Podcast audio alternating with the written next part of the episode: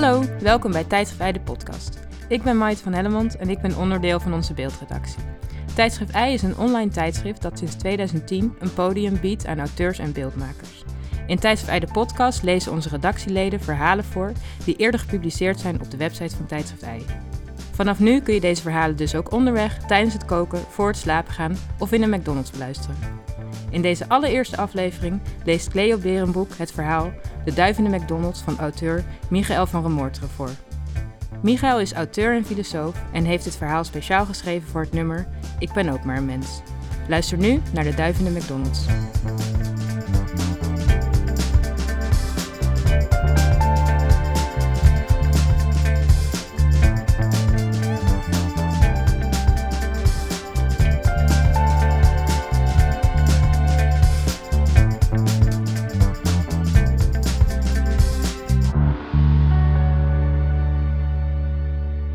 De duif in McDonald's.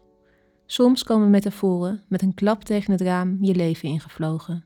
Een duif was erin geslaagd door de automatische schuifdeur van het McCafé aan Vaslavske Namnesty, recht tegenover het Nationaal Museum, binnen te wippen en begreep niet dat diezelfde deur ook weer toegang tot haar vrijheid zou geven.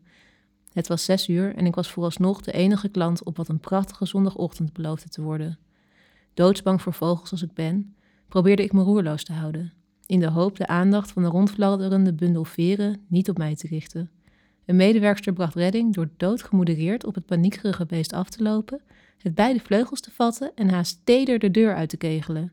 In de notities die ik op servetjes nam en die hier nu uitgewerkt worden, noteerde ik dat ik in mijn reddende engel een butch lesbienne vermoedde. Waar zouden wij zonder hen zijn? Dit is een verhaal dat ik al lang wilde vertellen, maar dat steeds door het heden werd ingehaald.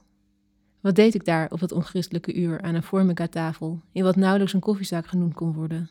Google Maps had uitgewezen dat dit de enige zaak was die reeds open bleek op weg naar mijn verblijfplaats aan Karlovo Nasneshten. Ik was nog te opgewonden om naar huis te gaan. Zoals de meeste van deze verhalen begon dit alles de avond voordien. Het ging al weken niet al te best met mij.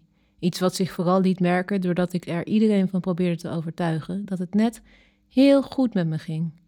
Deze bewuste avond kwam ik eindelijk tot de vaststelling dat de enige mogelijke remedie voor mijn onrust het catfishen van mijn ex zou zijn. Nee, het ging echt heel goed met mij. Ik gebruikte foto's van iemand met wie ik in België een tijd vluchteloos uitgegaan was. Hij leek enigszins op mij, iets wat vaker gebeurt dan ik hier bereid ben toe te geven. Ervan uitgaande dat mijn ex, die ooit toch wel in mij geïnteresseerd was, ook wel door deze jongeman gecharmeerd zou worden, maakte ik een profiel aan en stuurde hem een bericht. Twee uur wanhopige ijsberen later verwijderde ik het hele profiel in de hoop dat de bewijsstukken van mijn wanhoop voor altijd in de virtuele dieptes zouden verdwijnen. Via de locatiescanner van de dating-app was ik er echter achter gekomen waar mijn ex uiting. En het was niet meer dan logisch dat ik hem daar zou opzoeken. Zodoende trok ik mijn mooiste hemdje aan en huppelde richting een club aan de andere kant van de stad. Eenmaal daar aangekomen, kostte het me drie rondjes doorheen het hele complex, lege darkroom in kluis, om er zeker van te zijn dat hij er niet was. Tot mijn verbazing was ik opgelucht. Het was in vergelijking met de vorige keer dat ik hier was niet zo druk. En toch liep het er vol met mensen die ik de afgelopen weken in andere nachtelijke contexten had ontmoet. Ik had me opgelaten moeten voelen, maar leek daarentegen bevrijd van iets wat ik al die tijd op mijn schouders gedrukt had. Op de dansvloer was er genoeg ruimte om de met mij kenmerkende onhandige bewegingen te dansen, zonder de knappe Spaanse man naast me het glas uit handen te slaan tot een andere man, begin dertig, die zich later als wit Rus en museumcurator zou voorstellen, steeds dichter bij me kwam staan dansen en ik zijn pogingen tegen me aan te rijden onmogelijk nog kon negeren. Ik verliet de dansvloer en hij volgde. Hij was knap op die donkere manier die een zigeuner afkomst deed vermoeden. Bij de bar wilde hij me drank aanbieden. Ik, toen niet minder blut dan nu, aanvaarde zijn aanbod en maar zei er gedecideerd bij dat ik vanavond niet met hem naar huis zou gaan. Eender welke andere avond had hij geluk kunnen hebben. En ik hoorde me mezelf inderdaad als een prijs omschrijven. Maar niet vanavond. Vanavond wilde ik dansen en me niet om iemand anders hoeven te bekommeren. Hij zei dat hij het waardeerde dat ik zo eerlijk was. Vroeg mijn nummer. Zonder hem te vertellen welk landscode hij diende te gebruiken, gaf ik het hem. Ik voelde een hand op mijn schouder en terwijl ik me omdraaide wist ik, compleet onthutst, dat het mijn ex was. Ik kwam amper uit mijn woorden, was blij, verrast hem te zien hij keek naar me met een lach waarvoor ik steden in brand wilde steken. Zei me dat ik er goed uitzag. Liep door. De rest van de avond verloor ik hem geen seconde uit het oog. Waar ik me ook maar tussen de grijpgrage handen door probeerde te wringen, steeds was ik me bewust van mijn positie ten opzichte van hem. Wilde ik me ook in zijn blik te voelen. Ik werd op een uitgelaten manier dronken, moest steeds meer handen van mij afslaan. Er moest iets van mij uitgaan, een soort aura, want dit gebeurde meestal niet. Maar meestal sta ik ook niet in het midden van de dansvloer. Mijn hemd had zich aan mijn bezweten lijf vastgezogen. Toen klonk er een stem, het soort stem dat je naar het einde van de nacht weet te begeleiden. Zij vertelde me mijn verhaal, hoe bang ik eerst was, denkend nooit meer te kunnen leven zonder hem aan mijn zijde.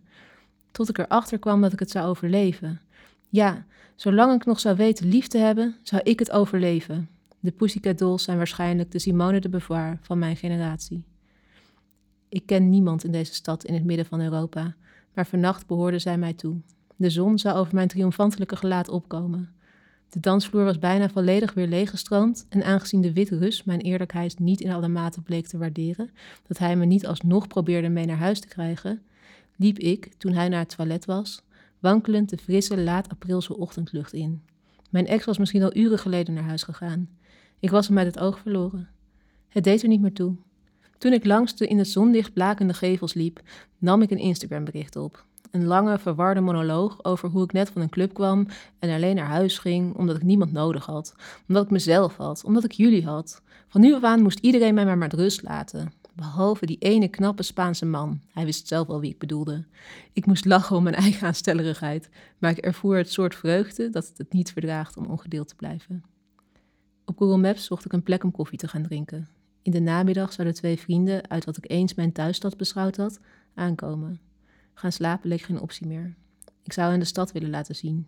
Schreef op een servet in het hamburgerrestaurant een provisorische dagplanning op. Ergens tussen het moment dat de duif door de medewerkster door de deur geworpen werd en ik langs diezelfde deur de aftocht naar huis zou inzetten, zou ik een bericht krijgen van de knappe Spaanse man met de vraag of ik het over hem had. Drie dagen later zat ik tegenover hem aan tafel. Hij was klein, maar groter dan de meeste Latino's. Gespierd, op een manier waarbij hij iets tengers bleef behouden. Na onze eerste date had ik het opgegeven voor te stellen nog voor iets te betalen. Hij vertelde me dat hij een space engineer was. En het is me nooit duidelijk geworden wat dit nou net inhield. Maar hij verdiende er duidelijk een klein fortuin mee.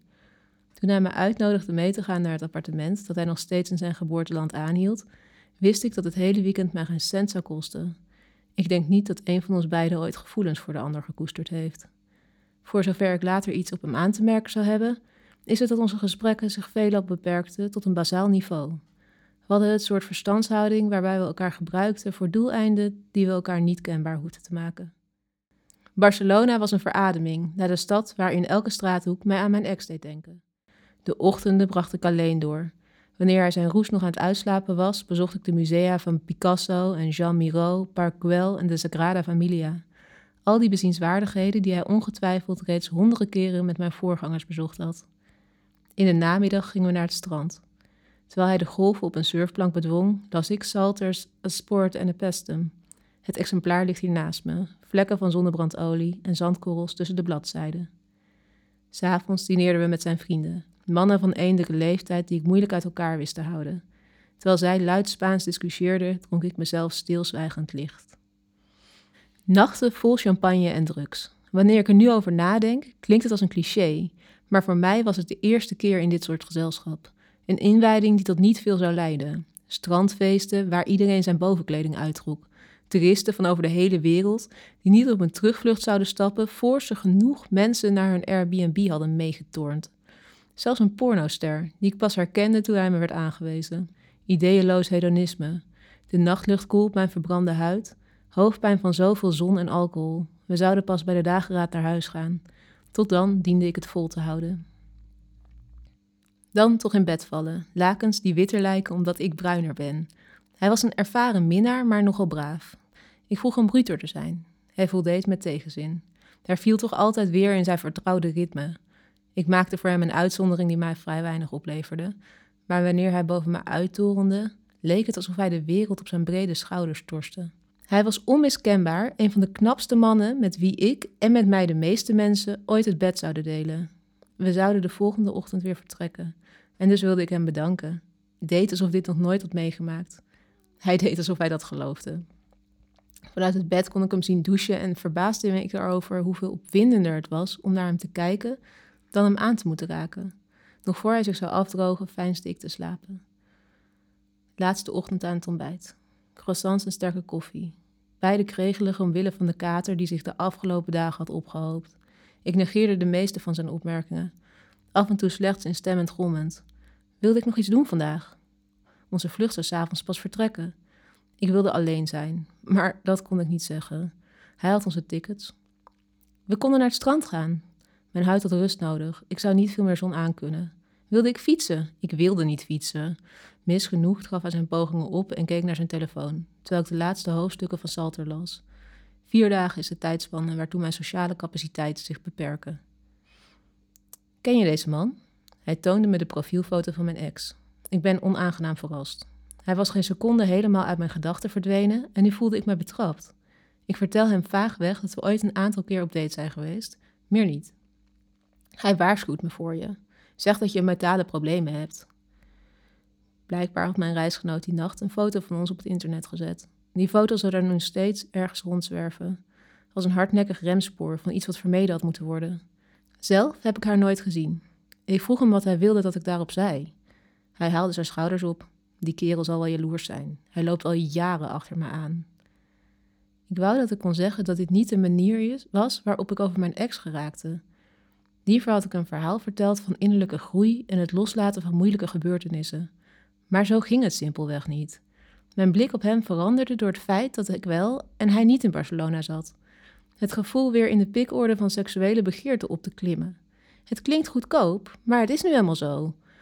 Enkele weken later zou ik mijn ex weer tegenkomen en me niet meer kunnen inbeelden wat ik ooit in hem gezien had. Zodra ik wist dat wat ooit geweest was, definitief voorbij is. Ik zou de Spaanse man nog enkele weken regelmatig zien, maar het doeleinde waarvoor ik hem nodig had gehad, was bereikt. Het kan niet dat hij dit niet geweten heeft. Ik zou al gauw uit de stad verhuizen en hem nadien nog enkele keren ontmoeten in een hotel in Brussel. Geen flauw idee wat een space engineer met de EU te maken heeft. Het zouden gezellige avonden en aangename nachten zijn, maar wanneer ik naar zijn slapende gezicht kijk, zou ik niets voelen. Wat ik vooral aan hem waardeerde was hoe hij me, in tegenstelling tot anderen, geld wist toe te stoppen zonder me het gevoel te geven een hoer te zijn. Ik bedankte hem, niet alleen voor het geld, ook voor wat hij toen in Barcelona onwetende voor mij had gedaan, toen hij me bij mijn vleugels had genomen en haast steder de uitgang had uitgedragen. Dit was het verhaal De Duif in de McDonald's van Michael van Romorteren, voorgelezen door Cleo Berenboek. De techniek werd verzorgd door Olivier Terpstra, die ook samen met Roman Koskoen de tunes heeft gemaakt. Wil je dit verhaal nog een keertje teruglezen? Dat kan. Het staat sinds vandaag op de website van Tijdschrift Ei. Gepubliceerd in nummer 72, met als thema Ik ben ook maar een mens. In deze editie vind je nog veel meer mooie bijdragen, zoals de fotoreeks van Sanne van den Elzen of twee gedichten van Tom Weijenberg, met daarbij een illustratie van Angulars. Dus neem snel een kijkje bij Ei. Deze podcast is helaas afgelopen, maar niet getreurd. De website van Ei is altijd open. En oh ja, we zijn natuurlijk ook te vinden op Facebook en Instagram.